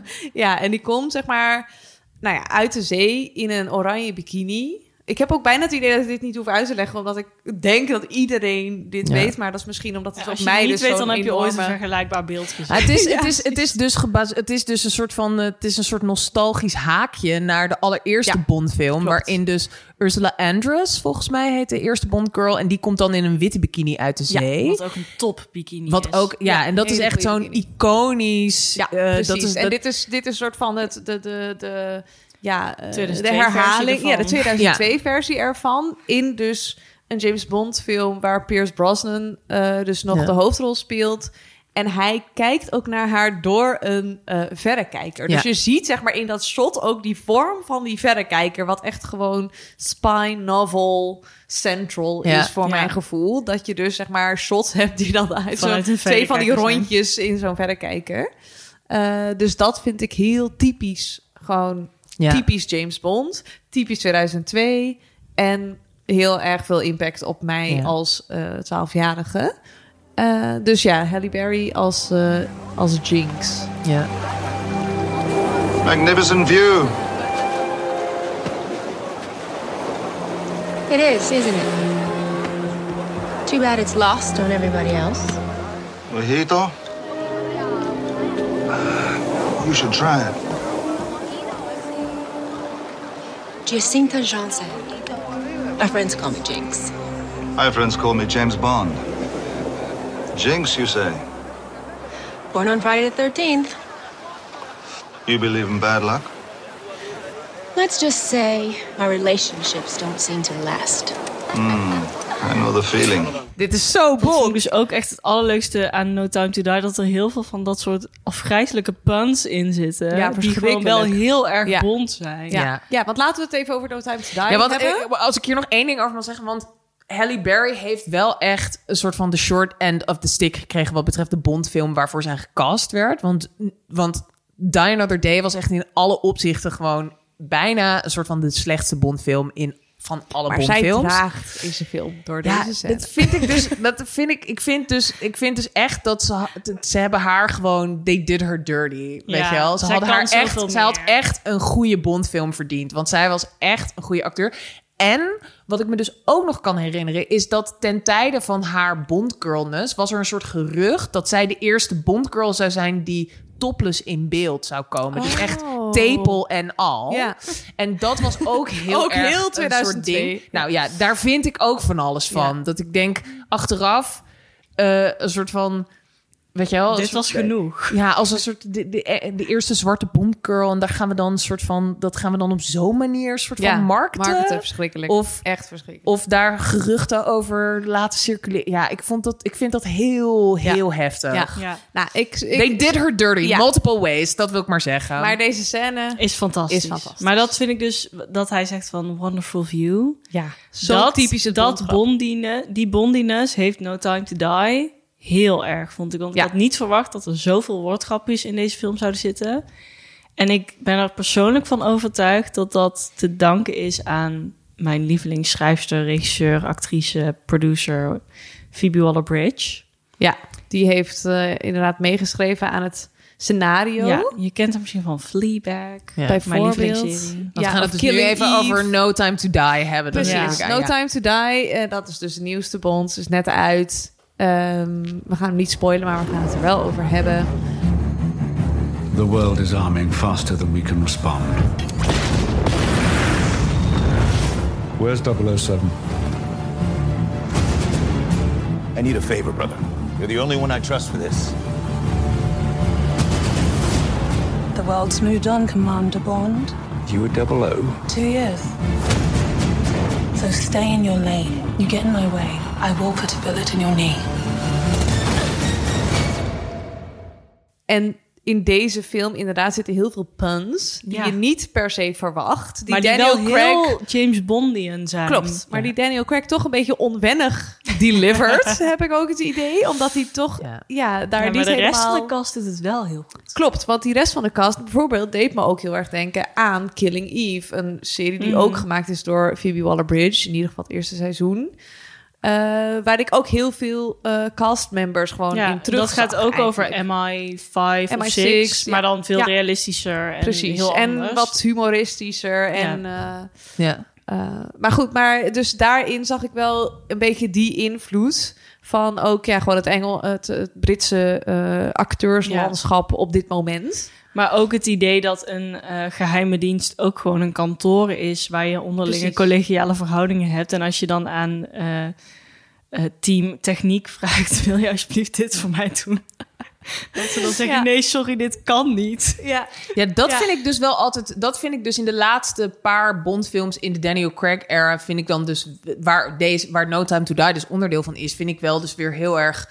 eh, daarmee si- si- signaal- sing- signalen ze eigenlijk dat ze dus weer een beetje, weet je wel, het ook weer een beetje gaan doen zoals vroeger. Want beetje goofy. ja, in de eerste films, weet je wel, zit M dus altijd in een kantoor met inderdaad ook, weet je wel, zo'n groot statig houten bureau, weet je wel, en dus de beroemde gewatteerde Chesterfield deur, weet je wel, met van dat leer met Ja. die diepe knopen erin, heel weet je wel. vind, maar heel toch lelijk. Maar dat, dat is dan in het begin is dat dan, weet je wel, dan, dan geluidsdicht, weet je wel. Dus dan kunnen mensen niet horen wat voor geheime zaken er in M's. Vroeger, kantoor toen leer nog een besproken worden. revolutionair materiaal was. Ja, en ten tijde van een soort van Judy Dench's M... wordt M ineens niet meer... zit ze niet meer in zo'n soort kantoor... maar staat ze in allerlei soort van high-tech ruimtes... met, weet je wel, allemaal computerschermen... Ja, ja, ja, ja, en een soort van, weet je wel... een soort van hologrammen die aan en uit gaan... en dat soort dingen, weet je wel. Dus dan wordt het dan ineens heel techy. Ja. En dan nu komen ze weer soort terug in een soort oud statig kantoor. Inderdaad, Ja. met office politics dus ook. Met een karretje met whisky Ja, Ja. in het kantoor naast Ja. je bureau. Ja. ja, en een baas met een drankprobleem. Ja, heel Maar Bond heeft geen drankprobleem meer, maar de baas heeft een drankprobleem. Maar ik vind dan dus wel leuk dat eh, Q, dus soort van de technische provider van James Bond, eh, wel een beetje de rol aanneemt van eh, de developer die gewoon Ja. allemaal verzoeken krijgt van mensen die nog nooit in development gewerkt hebben en er niks van snappen en denken dat het gewoon een soort van tik tik tik tik tik de Matrix is. en Ja. eh, ik vind het heel fijn dat ik dat wil ik gewoon even zeggen. Ik vind het heel fijn dat Q wat van zich af mag bijten Ja, in ja. deze film. En ook de afgelopen films wel wat meer. Want wat Ehm, kunnen we zeggen over No dat- Time to ja. Die? Misschien even iets, iets korts over het plot. eh, even een beetje resumerend. beeld. Ja. Ja. Nou, we, we beginnen eigenlijk waar Spectre ons achtergelaten heeft. Want aan het eind van Spectre, in Spectre wordt Ernst Stavro Blofeld weer teruggebracht. De, zeg maar de, de, de, de, de evil guy. Evil guy Ja, uit ook heel, heel veel oude James Bond halfbroer van James Bond. Ja, dat wordt, dat wordt inderdaad een beetje zo gebracht als, weet je wel, zij hebben een soort geschiedenis met elkaar, een soort verloren halfbroer, zoals je zegt. En hij wordt aan het eind van die film ge, ehm, gearresteerd en samen met de Bond girl, die gespeeld wordt door Lea Seydoux, eh, Madeleine Swan, loopt Bond dan een soort van de zonsondergang Ja. tegemoet. Dat is het einde van Spectre, van de laatste film. En daar pakken ze het nu eigenlijk op. Ja, Dus dus, Blofeld zit in een eh, zwaar beveiligde gevangenis. Ja. James is voor de zoveelste keer gepensioneerd. Inderdaad, James Bond is gepensioneerd, zit op Jamaica met... Met zijn eh, vriendin. Nee, wacht, want we Toch? beginnen met hem samen met Madeleine Swan. Oh, En ja. dan Ja. gaat Madeleine, die zegt dan tegen hem... ja, je moet het eigenlijk afsluiten met Vesper, weet je wel? Vesper Lind, je, je, oude, je andere oude geliefde, weet je wel? De andere vrouw. Is doodgegaan Anders kunnen wij nooit door. Ja, precies. En dan blijkt dus eigenlijk toch dat hun relatie... een beetje lijkt op die tussen Bond en Vesper... Want Madeleine lijkt Bond ook wel een beetje Madeleine te heeft zo verraden. waar ook een verleden. Ja, zij heeft hem ook een beetje verkocht. Dus Maar dan wat gaat ik het uit dus- en dan gaat hij naar vijf jaar later... en dan komen Ja. we eigenlijk gewoon in het verhaal van No Time Ja. to Die. Ja. Wat ik persoonlijk het allervetste vond aan deze hele film was de openingsscène. Waarin je, ik ga niet zeggen wat er gebeurt, maar je komt eh, in het verleden van Madeline eigenlijk. Ja. Ehm, en dat is de, de motivatie, de driving force achter het hele plot van deze film eigenlijk. Ja, dus een hele sterke En die scène. film is, of die scène is zo goed gefilmd. Het is bijna een soort slasher movie. Ja. Eh, de klassieke 80s Hollywood eh, horrorfilm. Ehm, en ik vind het heel lastig om, te, om niet te zeggen waar het, wat er gebeurt en waar het over gaat. Maar ga alsjeblieft naar deze film, want het Ja. is een... Het is echt by the book, gewoon zo goed gemaakt. Het is Ja. heel spannend. Eh, Deze film duurde overigens wel heel lang. Ik moest enorm plassen. dus Ja, bij alle drie. Ja, ja. En als je moet plassen tijdens de film, ga dan tijdens gewoon een actiescène. Dan je mist een gevecht wat heel goed gefilmd is, maar dan snap je tenminste de rest van de film nog. Dat is echt, Ja. doe het. En ga wel. Niet Sterke denken, tip. ik kan de film uitzitten, want dat kan niet. Want hij duurt te lang. En je krijgt een blaasontsteking. Ja. ja, je krijgt echt totaal een blaasontsteking. Maar, eh, Als maar het is wel echt... eh, het is wel... Ik dacht niet van deze film duurt te lang... want er is niet genoeg gezegd. Nee, want er dat is wel heel ook heel veel grappig. Dat in heel het veel vrienden van mij zeiden, ik vond hem te lang. En hij is heel lang en je moet plassen. Maar Ja, er maar was niks saai. waarvan ik dacht, dit zou ik weglaten. Nee, Nee. ik ook niet. Nee. Nee, ja, ik, vond, ik vond het inderdaad qua storytelling vond ik het echt een hele goede bond. En ook gewoon überhaupt qua, weet je wel, een soort van waar Quantum of Solace een soort van naast de schietschijf schiet, schiet Ja. deze bond Elke echt wel in de roos. ja. Ja. Dus het is echt heel goed. Het wordt supergoed geacteerd. Ehm, Strak eh, geregisseerd. strak geregisseerd. Goede keuzes worden er ook wel gemaakt. Als tegenargument wil ik wel zeggen dat ik, ondanks dat het eh, misschien volgens de studieboeken film niet 100% klopt, ik enorm genoten heb van de scènes in deze film die eruit zagen als een parfumreclame. Ja, heerlijk. Oh, maar ik hou sowieso van dat soort Of scènes. een autoreclame. Ja. En dat, Ja. dat is voor mij ook waar de essentie van Bond in zit. Dat ik denk, soms wil ik gewoon even een parfumreclame van een kwartier. Ja. ja. Die gewoon goed Ja. uitgevoerd is. En dan daarna gaan we wel weer verder met het plot. Maar het is gewoon heerlijk om een soort van short film... Car chase, dan dit, dan dat, dan dat. Eh, Rare schapen tussendoor. Nou, hij zit dan ook en in het is prachtig en je ziet een soort van flare van de zon in de camera. En Lea Seydoux is er en je denkt, lang kom.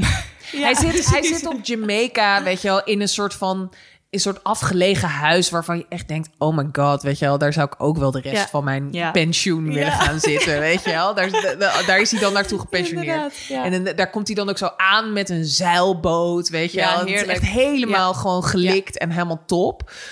En dat is natuurlijk wel wat James Bond ook altijd is. Weet je wel, het is ook altijd een beetje een parfumreclame. Want Ja. Ja. weet je wel, elke Bondfilm is een soort. Is, weet je, je hebt toch wel altijd van die reclames van die, van die, van die, van de toerist. Tourist boards van verschillende landen, Ja, weet ik je wel. naar Marrakesh Kom naar naar. Turkije, weet je En wel. sta op je eigen Ja. zeilboot op deze, in dit En dat zijn. Bondfilms Ja. natuurlijk ook. Weet je, als Bond in Griekenland is, dan krijg je ook het beste Ja. van Griekenland te zien. Ja. Weet je, als Ja. hij in Aspen is, Het dan is krijg je ook het beste ja. van Aspen te zien. Ja. En luxe en allemaal, weet je. Dus, Ja. dus en het is ook echt een personage to aspire to. Ja. In dat opzicht. Ja. Gewoon een materiële welvaart. Je die wil zijn gepaard auto's, gaat. je wil zijn Inderdaad. Rolex. Je wil ook een Aston Martin en een duur horloge en een, nou ja, gespierd lichaam. Ook leuk, maar... En voor- je. Inderdaad, en die vrouwen... eh, Ja, inderdaad. Gewoon alle, alle externe ja. soort van eh Maar ja, dat is het ook. Want dat is dus, dat is dus denk ik een beetje waar, waar, waar, de,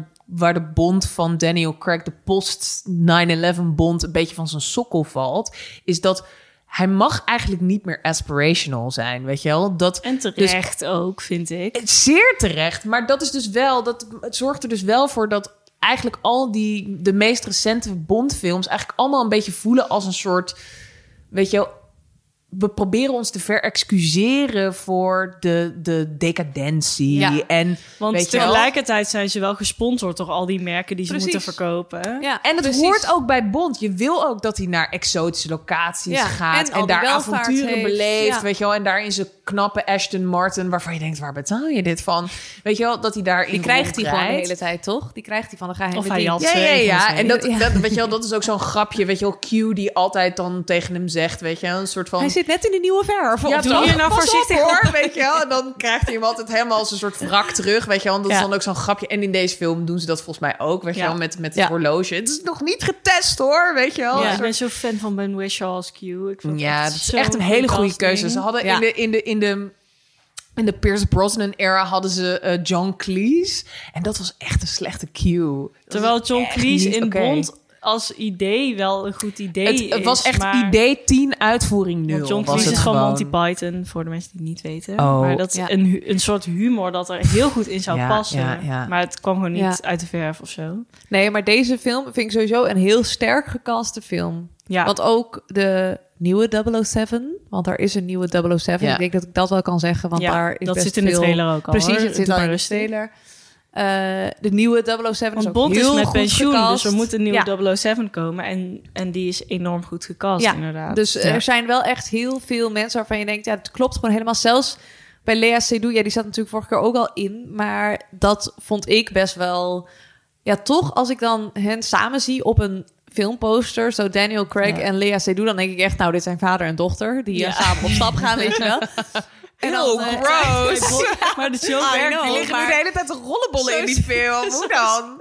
Zo ziet dat er gewoon wel een beetje Ja, uit. totaal. Voor mijn uh, Blond Bond en Blond Bond Girl. Ja. Ja, Maar toch werkt het heel goed. Qua snap ze wel. acteerwerk klopt het helemaal. ik vind zelfs de kar- karikaturale Blofeld goed gecast. Ook heel Ja. goed M is heel goed. Ook heel Money goed, Penny we hadden Ja. we al, maar die is ook echt goed Ja. gecast. Ja. Als Dat- ik één ja. ding mag zeggen over die nieuwe, die nieuwe eh, eh, eh, 007, Mhm. mogen we al spoilen wie dat is? Of willen we dat eigenlijk liever nog niet voor de podcast? Voor door wie die wordt gespeeld. Ja. Ja, ik denk dat wel. Dat Dat, dat, zit in de staat ook in de trailer, trailer. Ja, ja, ja. Ja. ja.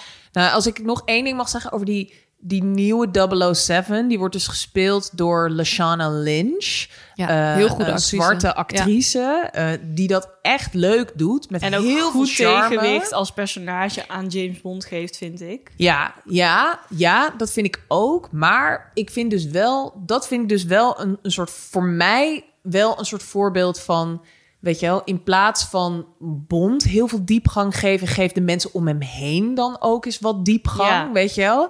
En dat vind ik dan bijvoorbeeld bij Les Doe, vind ik dat dan heel goed uit de verf komen in deze film. En bij die Lashana Lynch denk ik toch, hadden ze echt meer mee kunnen Mee kunnen doen. doen. weet Maar je daarvan wel. denk ik... Daar, Dat daar- komt misschien nog wel een voor keer. de volgende. Ja, dat denk Misschien ik echt. komt dat nog wel. Ja. En dat is ook, dat vind ik dan ook, dat vind ik dan ook hartstikke top, weet je wel? Want nou ja, de Bond franchise had een karakter zoals zij nodig. Mhm. Ja, dat, dat, 100%. zo, dat staat echt als een paal boven water. Ja. Maar ik vind het dan dus toch jammer dat ze, ehm, dat, ze dat gewoon niet meer benutten. En dat ze dan eigenlijk nog steeds heel erg op hem focussen. Ja. Weet Ja. je wel? Want zij is eigenlijk dus zijn plaatsvervanger. Ehm, en hij komt dan op een gegeven moment dus terug. Want de missie vraagt toch om, weet je wel, Zijn expertise. Ja. Ja. En dan, weet je wel, dan is hij dus eigenlijk eerst ook heel verbolgen over dat ze haar zijn, zijn eh, nummer hebben gegeven. Maar uiteindelijk blinkt hij toch uit ten opzichte van haar. Weet je wel? Dus, dus hij is haar dan steeds net te slim af. Net iets sneller van begrip dan zij. En ik vind Hij is niet gewoon dat... langer ingewerkt. Ja, Ja, dat heb je ja. soms. Maar ja, dat is ook zo. Maar dat Ja, vind ik dan ik dus toch... Ja, jammer. het voelt een beetje ehm, alsof dit de... Ik ben de hele tijd Marvel references aan het maken... maar ik denk dat dat ook komt doordat dit een soort van James Bond Cinematic Universe film is. Ehm, in tegenstelling tot de oude Bond films die allemaal per film op zichzelf stonden... hebben we nu een doorlopende verhaallijn. Maar dit voelt als de Infinity War van dit universum... Eh, en hierna komt nog een Avengers Endgame. Ja, En, ja. en dat is eigenlijk Ja. de film waar we op moeten gaan letten. Ja, en dan moeten we kijken van wie wordt de nieuwe Bond. Wat Komt er een wat- nieuwe Bond? Ja, komt er een nieuwe Bond? Ehm, What's gonna happen? Hebben we een ja, nieuwe Bond nodig? Blijven we bij deze Bond? Ja. Ehm, is, Ja. is dit Bond? Ja. Ehm, of, of gaan we een heel nieuw stadium van, van dit universum in... zoals Avengers eigenlijk ook heeft gedaan... waarin Iron Man er niet meer toe doet. Ja. Ehm, Ja. En we dus inderdaad meer gaan focussen op de mensen daaromheen. Ja. Nou, zonder het einde al te veel te spoilen. Het blijft aan het eind wel heel erg open. Dus voor een volgende film kunnen ze wel echt Precies. letterlijk alle kanten kan alle alle kanten kanten op. op. Dus dan, eh, nou ja, dan Misschien komen is het wel wij... een prequel. Precies. Ja, dat kan ook. Nou, maar dat, Ja. dat is dus wel wat mijn voorstel zou zijn. Weet je wel, om in elk geval een, een spin-off van de franchise Ja. te maken. Nogmaals, waarbij je Bond dus terugtrekt naar de jaren 60, waar die vandaan komt. En daar dan niet Mad Men te gaan maken, maar Bond à la Mad Men. Bondman. Bondman. dus weet je wel, dus hem laten zijn wat hij... alsjeblieft, Precies. hem hiernaar. laten zijn wat hij ontworpen, weet je wel, hoe hij ontworpen is. Ja, Zo is hij is ook een product van Maar daar mogen we dan wel met een 21ste eeuwse blik naar kijken. Dat zou ik de franchise in elk geval gunnen. Deze spin-off. Misschien als serie voor Netflix. Ja. Ik wil het wel Ik- komen schrijven. Samen vind- met Phoebe Waller-Bridge. MGM is denk ik de enige Ja. studio die nog geen streamingdienst heeft opgericht. Precies, Dus, dus- ehm, ga ervoor. Grijp ik vind Bond meer dan een goed excuus voor deze streamingdienst van MGM. Ja. Nou, ik denk dat we met deze suggestie, dit idee en deze soort van toekomstmuziek wel eh, een einde kunnen breien aan ons eh, James Bond analyses. Ik denk dat we er nog zes uur over. Ik vraag me echt heel erg af wie er nu nog luisteren. Is dit niet echt veel te... Gaan we nu niet echt veel te ver? Nee, zeker niet. Ik denk juist, dit is echt... Nou, als je dit hebt geluisterd en dan deze nieuwe film gaat kijken, dan weet je gewoon Ja. alles. Echt Maar- alles. Ga naar No Time to Die. Ja, en vertel ons alsjeblieft wat je ervan vindt. Want Ja. ik vind het dus heel fascinerend hoe de mensheid op deze film gaat reageren. Die al Ik uit ook. is terwijl we dit opnemen. Brisant, ja. Het is toch, het is Zeer echt, het is een benieuwd. vermakelijke Bondfilm. Het is een brisante Bondfilm. Het is de laatste Daniel Craig. Dat verdient een feestje. Neem een martini. Neem een Precies. martini en ga gewoon naar de film. Flirt met iemand aan de bar. Dit was hem weer, de Cineviel podcast. No Time to Die is nu te zien in Cineviel. We hebben honderdduizend andere titels genoemd in deze podcast, dus check de show notes als je daar benieuwd naar bent. Wil je met ons meepraten? Dat kan, natuurlijk, graag zelfs. Via podcast.cineviel.nl of via Twitter, cinevielpod. Dank jullie wel, Valentijn en Jente, voor jullie Heel erg input. graag gedaan. Ja. En eh, ja, wij gaan eh, volgens mij gewoon nog een vodka martini. ik drinken. wel toe aan een colaatje light eigenlijk. oh my god. Espresso martini, doe maar. gaan we doen.